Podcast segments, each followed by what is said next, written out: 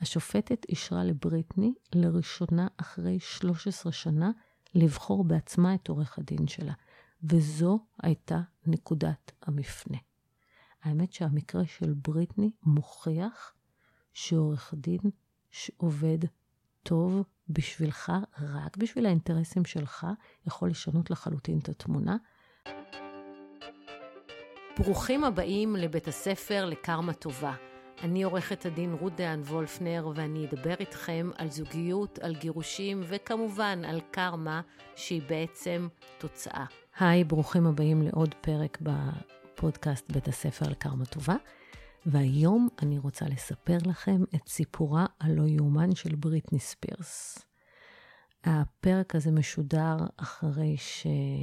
אחרי פחות משבוע, שהשופטת ברנדה פני בבית המשפט בלוס אנג'לס קובעת ביום שישי ב-12 לנובמבר שבריטני ספירס אינה זקוקה עוד לאפוטרופוס, ובכך באו לקיצם 14 שנות אפוטרופסות על גופה ועל רכושה, ובואו אני אספר לכם את הסיפור הלא יאומן שלה. אמ, בריטני ספירס, כמו שאתם בטח יודעים, היא כוכבת פופ. היא כבשה במות כבר כשהייתה בת 12 והוציאה בגיל 16 את הלהיט הראשון שלה. בריטני עברה התמוטטות נפשית בשנת 2007 כשהייתה בת 26, נשואה ואימא לשני בנים, האחד היה בן פחות משנתיים והשני בן פחות משנה. מה שקרה שם זה שהיה קוקטייל של הצלחה מטאורית, יחד עם יחסים משפחתיים לא לגמרי תקינים, עם מהות מהירה מדי, פפראצ'י שיושבים לה על הזנב 24/7, סמים, אלכוהול, והליך גירושים שכלל מאבק משמורת, הקוקטייל הזה היה חזק מדי עבורה והיא התמוטטה. היא פיטרה את המנהלים שלה, היא פיטרה את שומרי הראש שלה, היא ביצעה מלא עבירות תנועה, כולל נהיגה עם בן התינוק שלה על הברכיים, ובשיא המשבר היא נכנסה למספרה, גילחה את כל השיער שלה לעיני פפראצ'י ומיליוני מעריצים ברחבי העולם, אה, ונסגרה בחדר האמבטיה עם ילדיה, תוך שהיא מסרבת להעביר אותם לאבא שלהם. טוב, המשבר הזה לא נגמר טוב, ובריטני אושפזה בכפייה. המשמורת על הילדים הקטנטנים שלה עברה לבעלה, ובית המשפט מינה את אבא שלה כאפוטרופוס עליה, בהתחלה באופן זמני ואחר כך כאפוטרופוס קבוע. תכלס זה נשמע משהו כמו תוצאה מתבקשת של כזה משבר מטורף. אמ, לא לגמרי ברור למה האפוטרופסות ניתנה רק לאבא שלה ולא לשני הוריה, אבל אה, ההורים של בריטני התגרשו כמה שנים קודם לכן, והיא הייתה מנותקת מאימא שלה במשך 15 שנים. כשההורים שלה התגרשו, היא התייחסה לגירושים, היא אמרה שזה הדבר הטוב ביותר שקרה למשפחתה. אמירה שמעידה שהגירושים של ההורים סיימו מערכת יחסים קשה של הרבה שנים. אז אם למישהו יש ספק, גם בריטני היא תוצר של אה, מערכת משפחתית עכורה. אחרי ההתמוטטות בשנת 2008, אה, אימא שלה מתראיינת ומספרת על איסורי המצפון שיש לה בשל אה, מצבה של הבת הכוכבת שלה, והיא אומרת, לא גידלתי ילדים להיות כוכבים בהוליווד, ועוד היא הוסיפה ואמרה, חלומות גדולים הופכים לכאבי ראש גדולים. רומזת אולי לכך שאבא שלה עודד אותה להיות כוכבת, וזה לא נגמר טוב. אבל האמת היא שזה דווקא אימא שלה ששיגרה אותה לבמות כבר כשהיא הייתה ממש ילדה קטנה. במשך שנים ארוכות, בריטני ספירס הייתה תחת האפוטרופסות של אביה, אבל היא הורשתה להופיע, הורשתה לנהל מערכות יחסים, לצאת לחופשות ולנהל חיים כמעט רגילים. כמעט. כי בריטני ספירס לא הייתה אדם חופשי בכלל. הנטייה הטבעית שלי כעורכת דין היא להאמין שמערכת המשפט בקליפורניה לא הייתה מאפשרת את האפוטרופסות אם בריטני ספירס הייתה כשירה לנהל את העניינים שלה. אבל, וכאן יש אבל גדול, בריטני ספירס היא סופרסטאר בינלאומית. יש לה רשימת הישגים עצומה בקנה מידה באמת בינלאומי. יש לה פרס גרמי, עשרה פרסי בילבורד, 24 סינגלים במקום הראשון. במצעדי הבילבורד השונים, תשעה פרסי בחירת הנוער, שבע שיאי גינס, פרס המילניום בטקס פרסי הבילבורד, שמונה, שמונה פרסי EMA ושישה פרסי VMA, כשאחד מהם הוא פרס מפעל חיים על שם מייקל ג'קסון, שקיבלה בשנת 2011. וכל זה מאז שמונה לאפוטרופוס. ומאז שמונה לאפוטרופוס, היא הוציאה עשרות להיטים ואלבומים שזכו להצלחה בינלאומית. היא יצאה במופעים בכל העולם שגרפו מאות מיליוני דולרים. היא הוציאה מותג פסמים, הייתה שופטת, מנטורית ומדריכה בריאליטי האמריקאי אקס פקטור. היא הוציאה ליין של בגדי הלבשה תחתונה שהיא עיצבה. היא השתתפה בסרט דוקומנטרי, ותוך כדי היא המשיכה להוציא עוד ועוד אלבומים. כולם הפכו מיד ללהיטים בינלאומיים.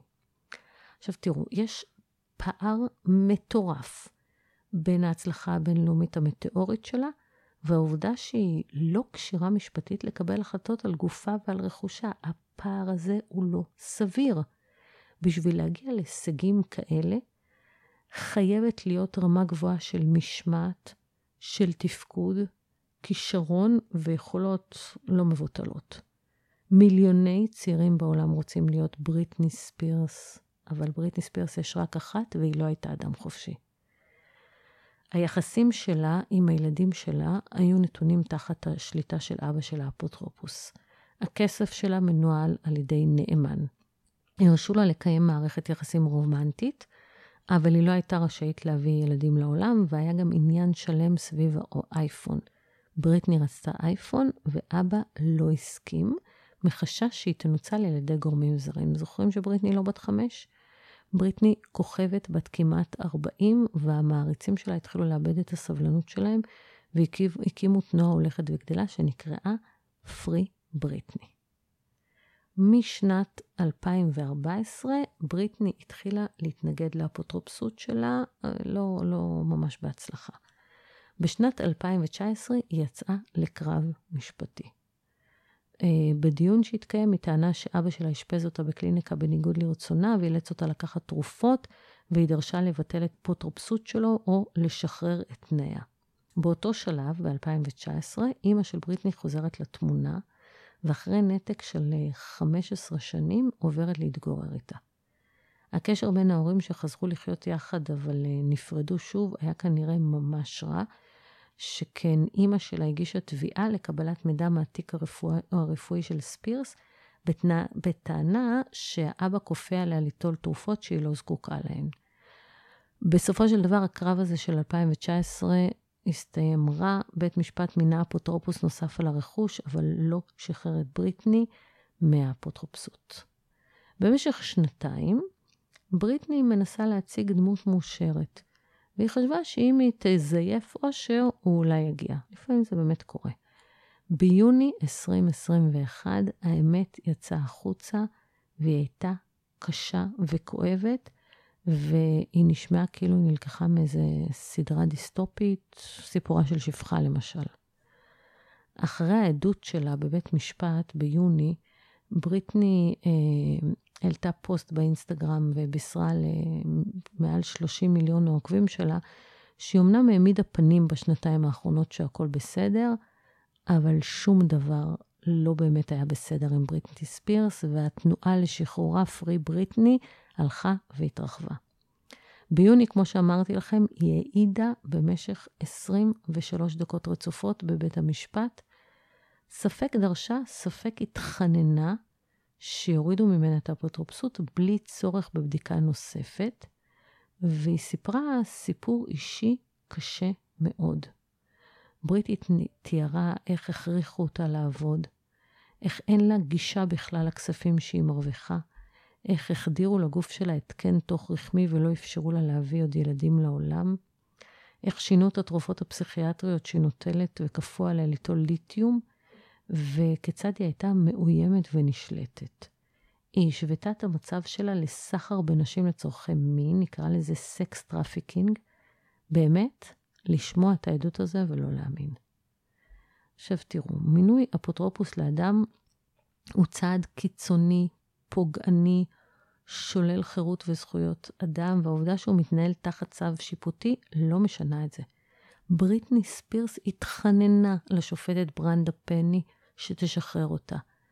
והיא אמרה שם מילים מאוד קשות על מוסד האפוטרופסות. היא שלחה אצבע מאשימה כלפי האפוטרופסים שלה, והיא אמרה, הם צריכים לשבת בכלא. לא יכול להיות שהם יצאו מכך בקלות. מהעדות שלה עלה שבריטני ספירס הייתה מכונה לייצור כסף. וכשהיא ביקשה הפסקה, האחראים עליה הפכו את החיים שלה לגיהנום עלי אדמות, בתוך תקווה שהיא תישבר ותחזור לעבוד ולייצר את המיליונים. היא סיפרה בעדות שלה איך אחרי 20 שנות עבודת פרך בהופעות ובחזרות, היא הייתה חייבת קצת הפוגה, ואז היא סירבה לקיים את המופע בלוס, בלס וגאס בפעם הרביעית. עכשיו, תבינו, מופע בלס וגאס זה להופיע ערב, ערב, ערב, ערב, לעשות חזרות מפרכות, להיות כל הזמן בפוקוס. והיא אמרה, וואלה, התעייפתי. בהתחלה הם אמרו לה, בסדר, הם היו נחמדים, אבל היא אמרה, חששתי שהם יענישו אותי, או שהם יהיו אכזרים כלפיי, והיא צדקה. הנחמדות הזאת נמשכה שלושה ימים, וכשהמנהלים שלה הבינו שהם לא, שהיא לא מתכוונת להמשיך במופע, הם אה, אמרו שהיא הפסיקה לקחת את התרופות והם העלו אותה על ליתיום. ליתיום זה תרופה מאוד מאוד לא פשוטה, שמיועדת לטיפול במקרים קשים של מניה דיפרסיה, וההשפעה של הליתיום על בריטני הייתה קשה. היא מתארת איך היא הרגישה שטויה, איך טיפל בצוות של שש אחיות שניטרו את המצב שלה כדי להתאים את מינון התרופה שהיא מראש לא רצתה לקחת, כן? ואיך היא איבדה את עצמה בתוך הליתיום, לא תפקדה, בקושי הצליחה לדבר, ובתוך המצב הטראומטי הזאת, הזה, אסורה לה לצאת מהבית במשך חודש שלם. אבא שלי אישר את כל זה, היא העידה בכאב, באמת בכאב. המשפחה שלי לא עשתה שום דבר כדי לעזור לי. עוד היא תיארה כיצד כלאו אותה במכון שיקום. שם היא הייתה צריכה לשבת על כיסא במשך עשר שעות כל יום ברצף. מנעו ממנה לפגוש את הילדים שלה ואת בן, בן הזוג שלה. לא אפשרו לה אפילו להתלבש בפרטיות. לקחו ממנה את כרטיס האשראי, את הכסף, הדרכון, וכלאו אותה בבית עם אנשי צוות, תוך שהם מבהירים לה שהיא לא תחלץ מהגיהנום על זה, אלא אם היא תשתף פעולה באופן מלא. זה באמת כמו עבדות. הגוף היקר שלי, אומרת בריטני, עבד עבור אבי במשך 13 שנים. עשיתי הכל כדי להיות טובה, יפה ומושלמת ולעבוד קשה כמו שציפו ממני. מדינת קליפורניה אפשרה לאבי להעביד אותי, שלחה ספירס אצבע מאשימה גם כלפי מערכת המשפט. אבא שלה וכל מי שמעורב במוסד האפוטרופסות רצו להמשיך לשלוט במכונה הזאת, שמייצרת מיליונים, אבל לבריטני נמאס לה להיות השפחה שלהם. אני לא חושבת שאני חייבת לעבור בדיקות והערכות יותר, בריטני זעקה בעדות שלה. עברתי מספיק ואני לא חייבת להוכיח לאף אחד שאני כשירה. אני לא חייבת כלום לאף אחד, בטח לא לאלה שהתפרנסו על הגב שלי במשך שנים.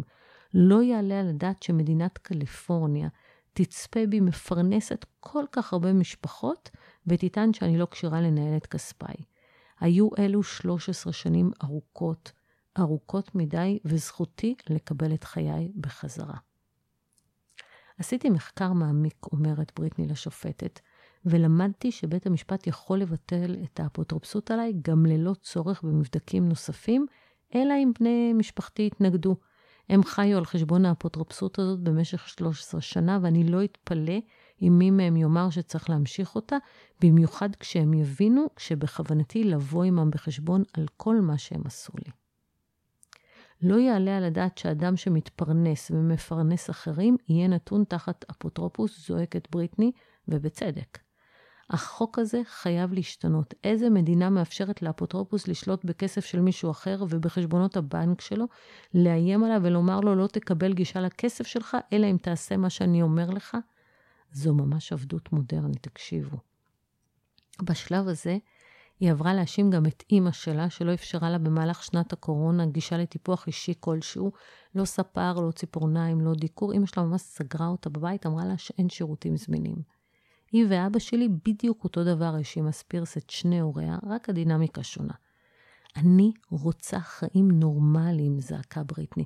אני רוצה להינשא ואני רוצה ילדים ואני רוצה לצאת לחופשה עם החבר שלי ולנסוע ביחד במכונית. רציתי ללכת לרופא ולהוציא את ההתקן התוך-רחמי שלי, אבל הצוות שלי לא מאפשר לי, היא מתארת את השליטה המוחלטת לא רק בכספה, לא רק בלוח הזמנים שלה, אלא גם ברחם שלה.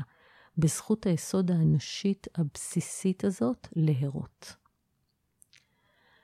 מגיע לי לחיות את חיי. עבדתי כל חיי וזכותי לעשות הפסקה של שנתיים-שלוש ופשוט לעשות מה שבא לי. אני לא רוצה להיות בודדה יותר. זכותי לחיות חיים נורמליים כמו כולם, זכותי להיות אימא, בעלת משפחה, והרבה יותר מזה סיימה בריטני ספירס את עדותה, וזעזעה אומה שלמה. העדות הזאת, ששודרה בכל אמצעי התקשורת, יצרה צונאמי של תגובות תומכות לא רק מצד מיליוני המעריצים של ספירס, אלא גם מצד מלא celebrities שמיהרו לצייץ בטוויטר את תמיכתם בבריטני. תנועת Free אה, בריטני צברה עוד מיליוני תומכים, ואחרי שהתקשורת עיבדה וניתחה את העדות הקשה הזאת, הלחץ הציבורי רק גדל. אין סיבה למנות אפוטרופוס לאדם עובד ומתפקד, גם אם הוא חולה במאניה דיפרסיה וגם אם הוא לא יודע לנהל את העניינים הכספיים שלו. לבריטני יש מספיק כסף כדי לשכור יועצים אסטרטגיים ופיננסיים ועורכי דין ומנהלים אישיים ומנהלי כספים שיעזרו לה לנהל את הכסף שלה ואת ההכנסות שלה, והיא לא צריכה אפוטרופוס שיהיה ממונה עליה, זה אמצעי דרסטי מדי. בשביל להבין איך זה יכול לקרות, אני מזמינה אתכם לצפות בסרט אכפת לי בנטפליקס, שמדגים איך מקבלים אפוטרופסות על אנשים כשרים לגמרי בחסות מערכת המשפט, העובדים הסוציאליים ועורכי דין, ואיך משתלטים להם על הכסף. האמת היא שראיתי את הסרט, חשבתי שהוא מוגזם. אחרי שנחשפתי לסיפור של בריטני, אני מאמינה שהוא מציאותי לגמרי. עכשיו בואו נבין שנייה את האינטרס הכספי. בריטני אה, הייתה מיוצגת על ידי עורך דין שבית המשפט מינה עבורה בשם סם אינגהם. היא לא שכרה אותו והיא לא ביקשה ממנו שייצג אותה, ועדיין הוא ייצג אותה, והוא קיבל שכר של עשרת אלפים דולר לכל שבוע. 13 שנים, 6.7 מיליון דולר. בקטנה. אבא שלה, האפוטרופוס, השתכר מיליוני דולרים כתוצאה מהאפוטרופסות.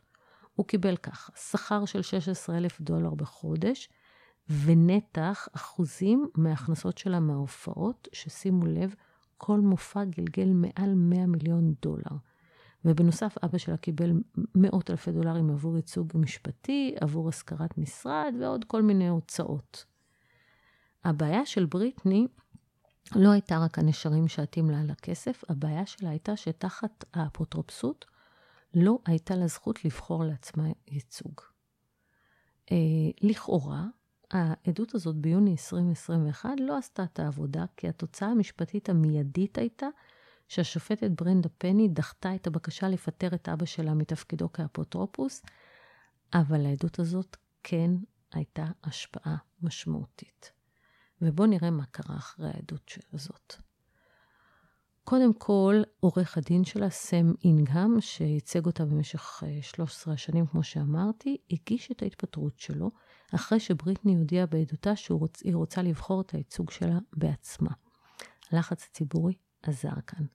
באותו יום, לא רק העורך דין שלה מתנהל, אל, מתפטר, אלא גם המנהל האישי שלה, לארי רודולף, מגיש את התפטרותו אחרי 25 שנים של עבודה משותפת, וזאת אה, בגלל שהיא הודיעה על פרישה מהופעות. הוא ציין שלא היה איתה בקשר שנתיים וחצי, והוא מבין שאין בו צורך יותר.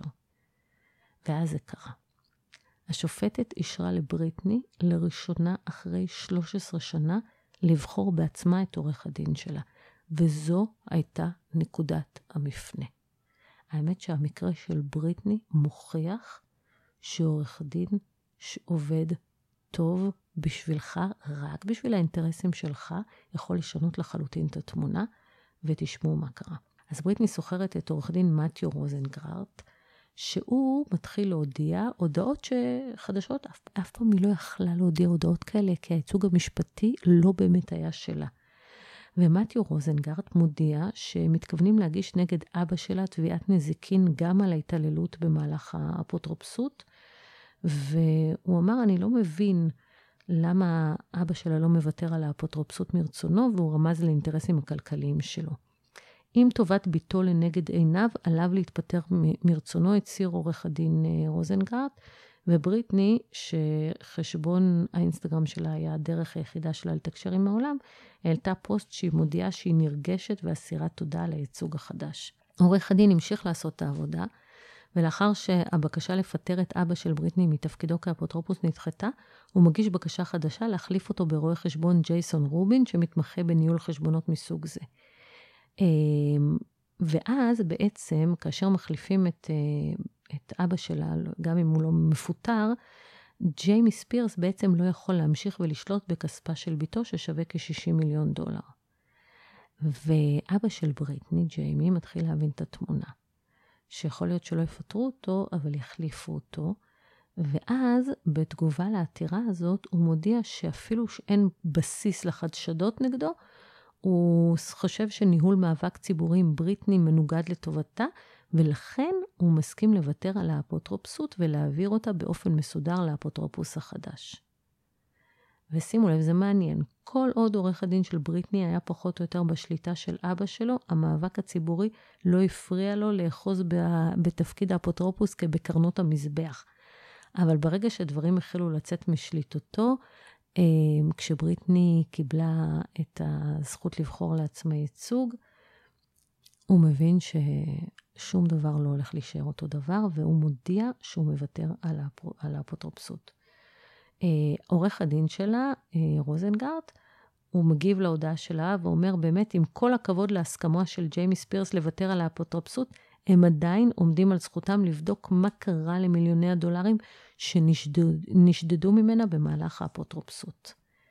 בריטני, שכנראה הרגישה את החופש מגיע, מתחילה לעשות בושות, ולהעלות לחשבון האינסטגרם שלה שורה של צילומי עירום באמת מביכים. בחלק היא אחזה בשדיים שלה, בחלק היא צילמה את הישבן שלה באיזה ריקוד אירוטי.